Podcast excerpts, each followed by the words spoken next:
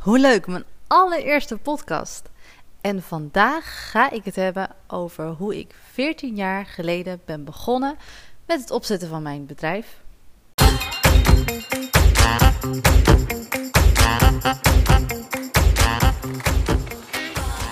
Wil jij het beste uit jezelf halen en je dromen najagen terwijl je ook volop geniet van je gezin? Welkom bij de Ambitious Podcast. Ik ben Sarah en sinds mijn studententijd, 14 jaar geleden, ben ik ondernemer. Ik neem je graag mee in mijn ondernemersavontuur, maar deel ook de struggles hoe ik ondernemen combineer met mijn gezin. Ben jij ready om te shinen?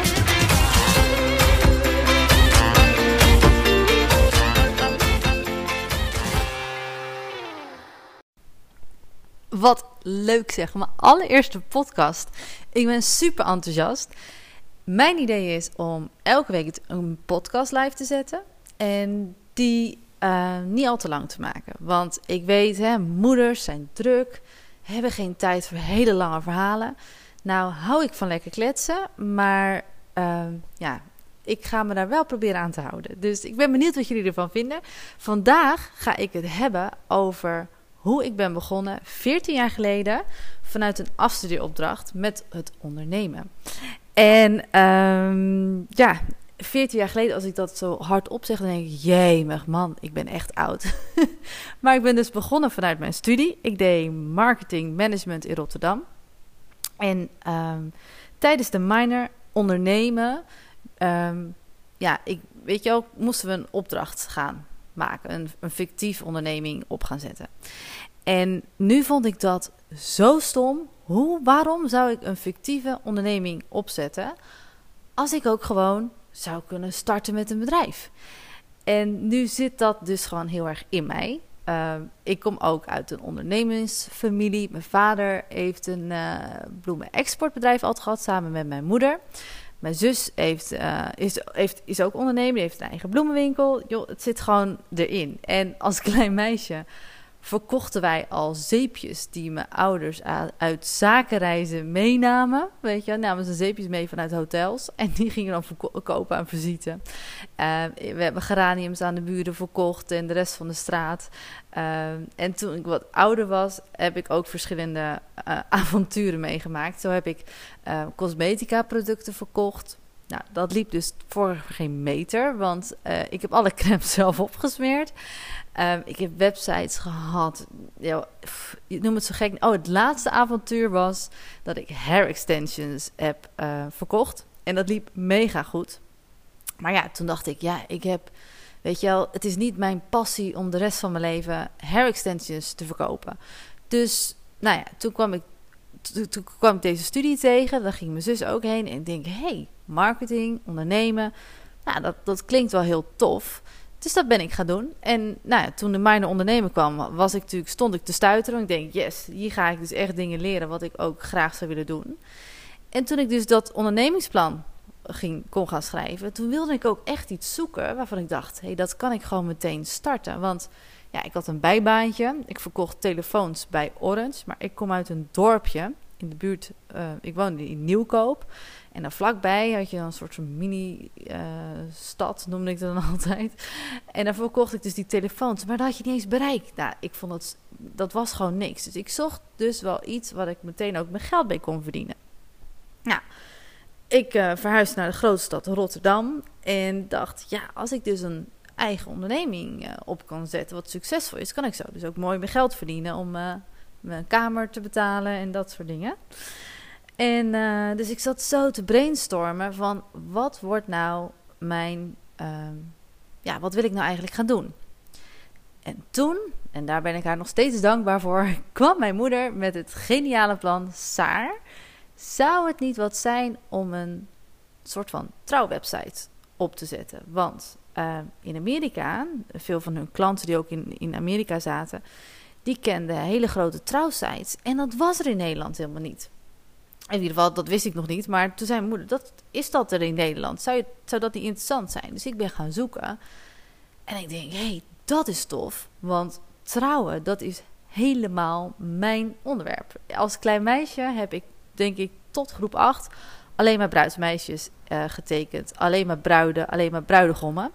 Dat was zeg maar alles wat ik deed. En ehm, ja, ik had en heb nog steeds echt heel erg wat met dat onderwerp. Dus ik dacht, als ik nou dag en nacht bezig kan zijn met het onderwerp trouwen, nou, dan, dan weet je wel, dat zou natuurlijk een droom zijn. En ik ben bezig met ondernemen. En iets wat ik altijd al zo mooi en bijzonder vond, kan ik combineren. Nou, dus ik heb een ondernemingsplan geschreven.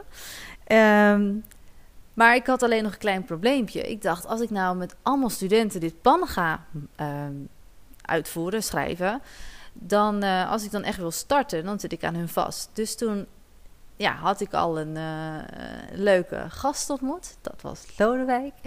En Lo, die, um, ja, wij werden dus een setje. En ik zei tegen Lo, joh, kunnen wij niet samen die opdracht doen? Want je, ik wil dit gewoon wel echt gaan starten. Dus uh, ja, dat was heel grappig. Hebben we samen zijn we hier ingestapt. En uh, zijn we hier keihard aan gaan werken. Alleen je moet je wel voorstellen dat, weet je wel, 14 jaar geleden was internet gewoon echt nog niks. Weet je, de leraren die zeiden allemaal, ja, nou, ik weet niet hoe je nou met internet echt, weet je wel, met een website. Dat, ze zagen niet dat je daar geld mee kon verdienen. En weet je, er waren wel wat blogs, blogs noemen ze er dat ook. en uh, ja, weet je, dat is, nou, ze zagen er eigenlijk weinig in. Maar goed, maakt allemaal niet uit. Wij gingen aan de gang. En um, nou, in Nederland was er dus nog helemaal niks. Er waren wel van die echte oldschool websites.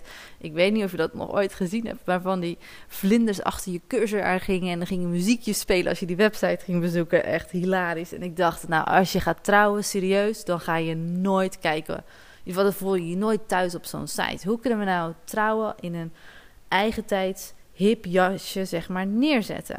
Nou, dat werd mijn missie. En uh, tijdens mijn studie begon ik. En ik was gewoon elke avond uh, zat ik lekker uh, vanuit mijn uh, studentenkamertje lekker te werken. Ik had van mijn studentenbudget een website laten maken. Dat was de eerste versie. Ik heb hem pas nog teruggezien met Google History. En nou, hilarisch, superleuk om te zien. Um, en nou, dus ik was lekker aan het werk. En um, alles wat ik leerde tijdens mijn studie, kon ik ook meteen toepassen voor mijn eigen bedrijf. Dat was, ik zoog alles letterlijk op. Dat was zo cool. Nou ja, toen ging Lo na de studie, is hij um, online marketing gaan doen bij andere bedrijven. En uh, nou, ik ben dit gaan, uh, gaan doen. En elke avond hè, bleef hij nog wel meedenken over, over de perfect wedding. En ja, hebben we veel brainstorms ook gehad. Maar ik deed het in principe gewoon uh, alleen voor de eerste 3,5 jaar bijna. En uh, ja, ik, ik hoor jullie denken dan, ja, hartstikke leuk samen. Hoe verdien je dan je geld? Was het meteen succesvol? Nee. als je een website wil starten, dan kan je pas geld verdienen als je mensen bereikt. En niet zomaar mensen, je moet relevante mensen bereiken op je website. En dan kan je kijken of je dan dus ook de relevante uh, ja, partijen uh, aan je kan binden die bij jou um, advertorial afnemen of een nieuwsbrief of dat soort dingen. Dus de eerste, ja, ik denk twee jaar, heeft echt continu in teken gestaan van zorgen voor meer bezoekers. Dus echt kijk, zorgen dat het bereik uh, er kwam.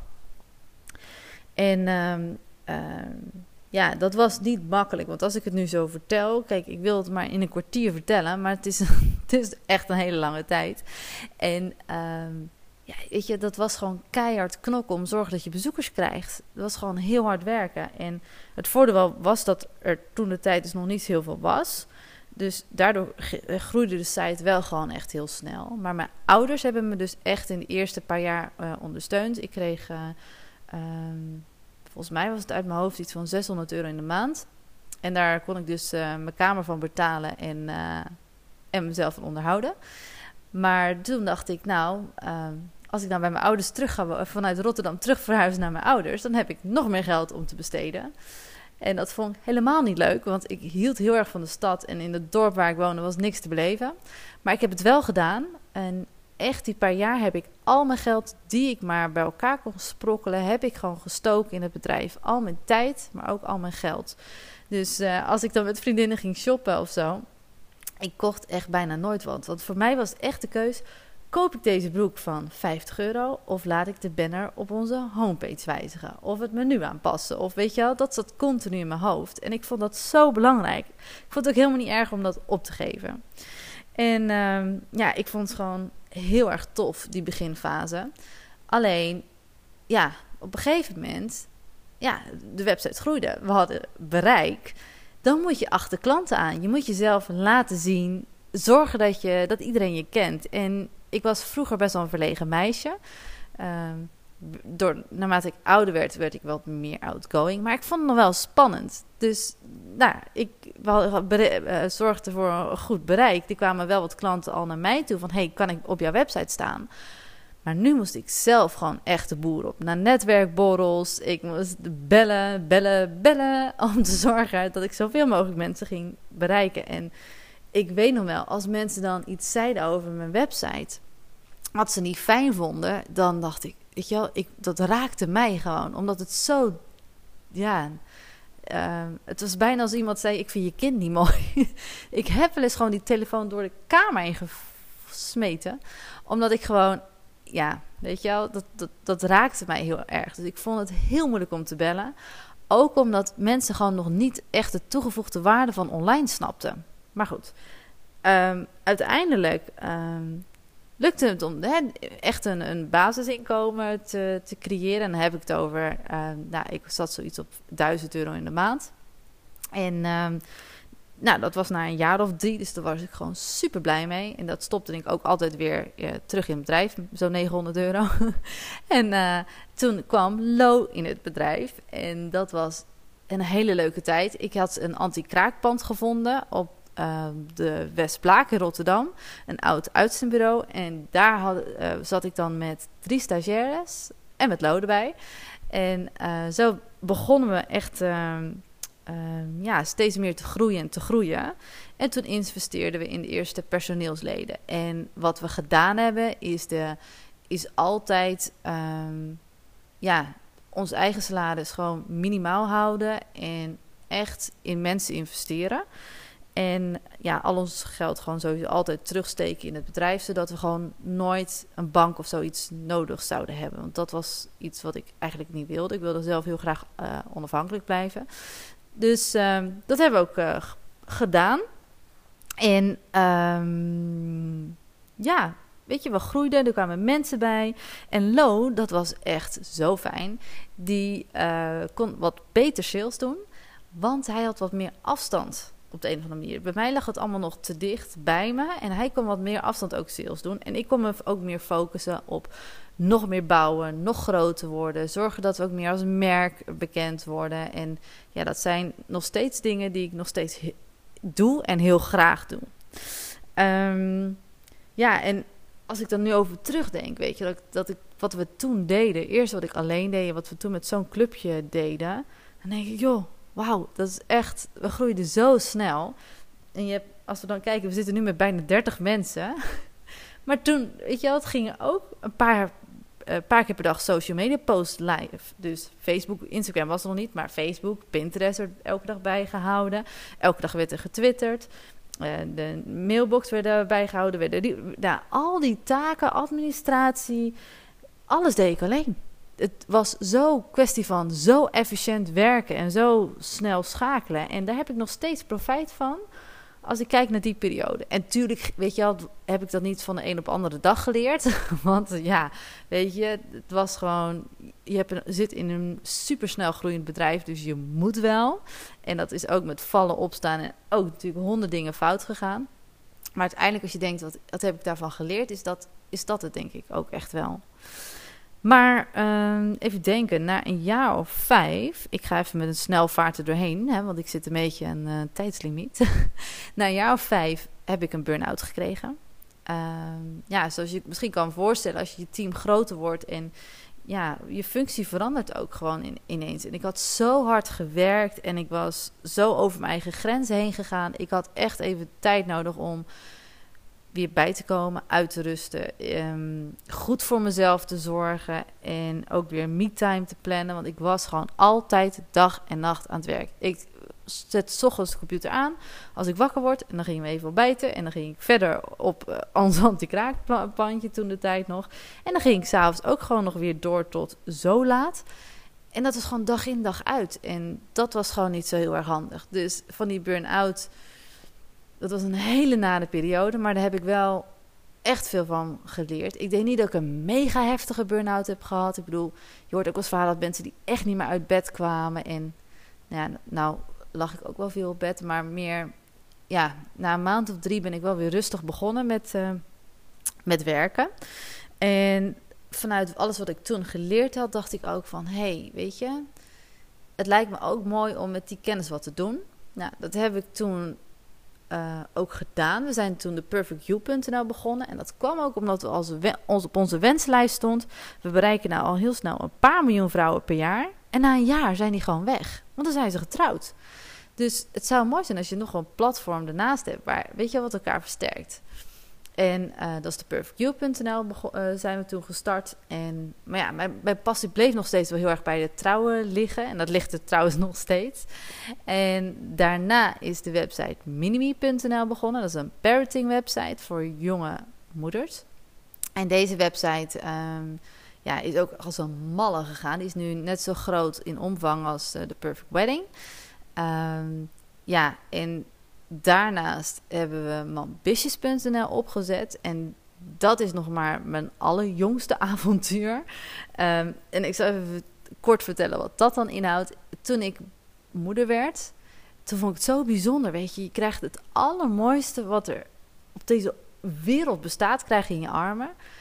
Maar aan de andere kant denk je, oh jee, maar weet je wel, ik, hoe moet ik het dan doen met mijn eigen zaak? Dat is ook een soort kindje. Hoe ga, ik, het fixen? En waar loop je allemaal tegenaan? En nou ja, dat heb, daar heb ik zelf wel een hele goede manier, ook mede door mijn burn-out, denk ik, um, voor gevonden. Ik heb hele strikte regels voor mezelf die ik probeer vol te houden. En ja, dat, op elke netwerkborrel die ik kwam, de, elke, um, mijn mailbox, dat soort dingen, elke klant die ik sprak, we hebben bij de Perfect Wedding heel veel klanten. We hebben denk ik iets van 2.000, 3.000 klanten op onze website staan. En er staan ongeveer iets van 26.000 überhaupt bedrijven op. Dus we hebben heel veel contact met klanten. En als, als er wel eens contact met mij is, dan is dat het eerste wat iedereen vraagt. En toen dacht ik, ja, daar moet ik wat mee. Via Instagram kreeg ik die vraag, overal krijg ik die vraag. Het is niet dat ik nou, weet je wel, ik vind het altijd ook lastig, want ik ben geen Wonder Woman. Maar ik vind het altijd wel leuk om mijn dingen te delen. En daar hadden mensen ook heel veel aan. Of in ieder geval vrouwen voornamelijk. Dus zo is mambitious.nl gestart. Omdat ik heel erg geloof, als je moeder bent, dan is het nog niet over. Dan is nog steeds de sky is the limit. En zowel voor de sky is the limit om te gekke mooie dingen met je gezin te doen. Maar ook nog steeds om jezelf volledig te ontwikkelen. En nou, daar ben ik zelf heel gepassioneerd ook over. Dus nou, dat is dus ambitious.nl. En um, verder zijn we nu bezig om de perfectwedding.nl neer te zetten in meerdere landen. Dus Duitsland is nu sinds januari live. We zijn in België live. Oostenrijk gaat over twee weken live. Dus hopelijk komen er ook nog veel en veel meer landen bij. Um, maar dat zijn de, uh, de, de, platformen die we hebben. En ja, we bereiken nu zo ontzettend miljoenen vrouwen per jaar. En dat is echt zo onwijs cool. Um, ja, dus in de volgende series vind ik het ook heel erg leuk om met deze podcast dieper te gaan over hoe doe ik het nou? Uh, waar loop ik tegenaan? Wat vind ik lastig? Um, wat heb ik geleerd? En ja, ik zou het ook heel leuk vinden om, um, om ook echt dat met jullie te doen. Dus hebben jullie een vraag voor mij? Mail me, stuur een berichtje op Instagram. Um, ja, of heb je een tip, weet je wel? Dat is ook gewoon heel erg leuk en waardevol om dat dan te delen. En dat is mijn idee voor de volgende podcast. Um, ja, ik hoop dat jullie het interessant en leuk vonden om te horen. De volgende podcast zijn dus wat meer met wat ja, weet je, ervaringen die ik tegenkom met een soort van werk-privé-balans en ondernemen. En nog veel meer dingen die jullie willen horen. Dus laat me dat zeker weten. En ik wilde jullie vragen, misschien willen jullie mij helpen. Want als je nieuw bent in podcastland, dan is het heel. Uh, ja, dan, niet iedereen kan je podcast dan zomaar zien. En dat kan wel als jullie mij daarbij helpen. Dus ik zou het heel tof vinden als jullie mijn podcast willen beoordelen en een reactie willen achterlaten. Want dan kom ik weer beter naar voren in het algoritme van iTunes. Dus dat zou me in ieder geval heel erg helpen. Ook als jullie het heel leuk en interessant vonden. Ik zou het heel tof vinden als jullie um, een screenshot van de podcast willen maken en willen delen op stories of je gewoon Instagram posten, zodat ik ook kan zien wie er allemaal luisteren. Nou, dat was een hele riedel, maar dat zou ik echt heel cool vinden.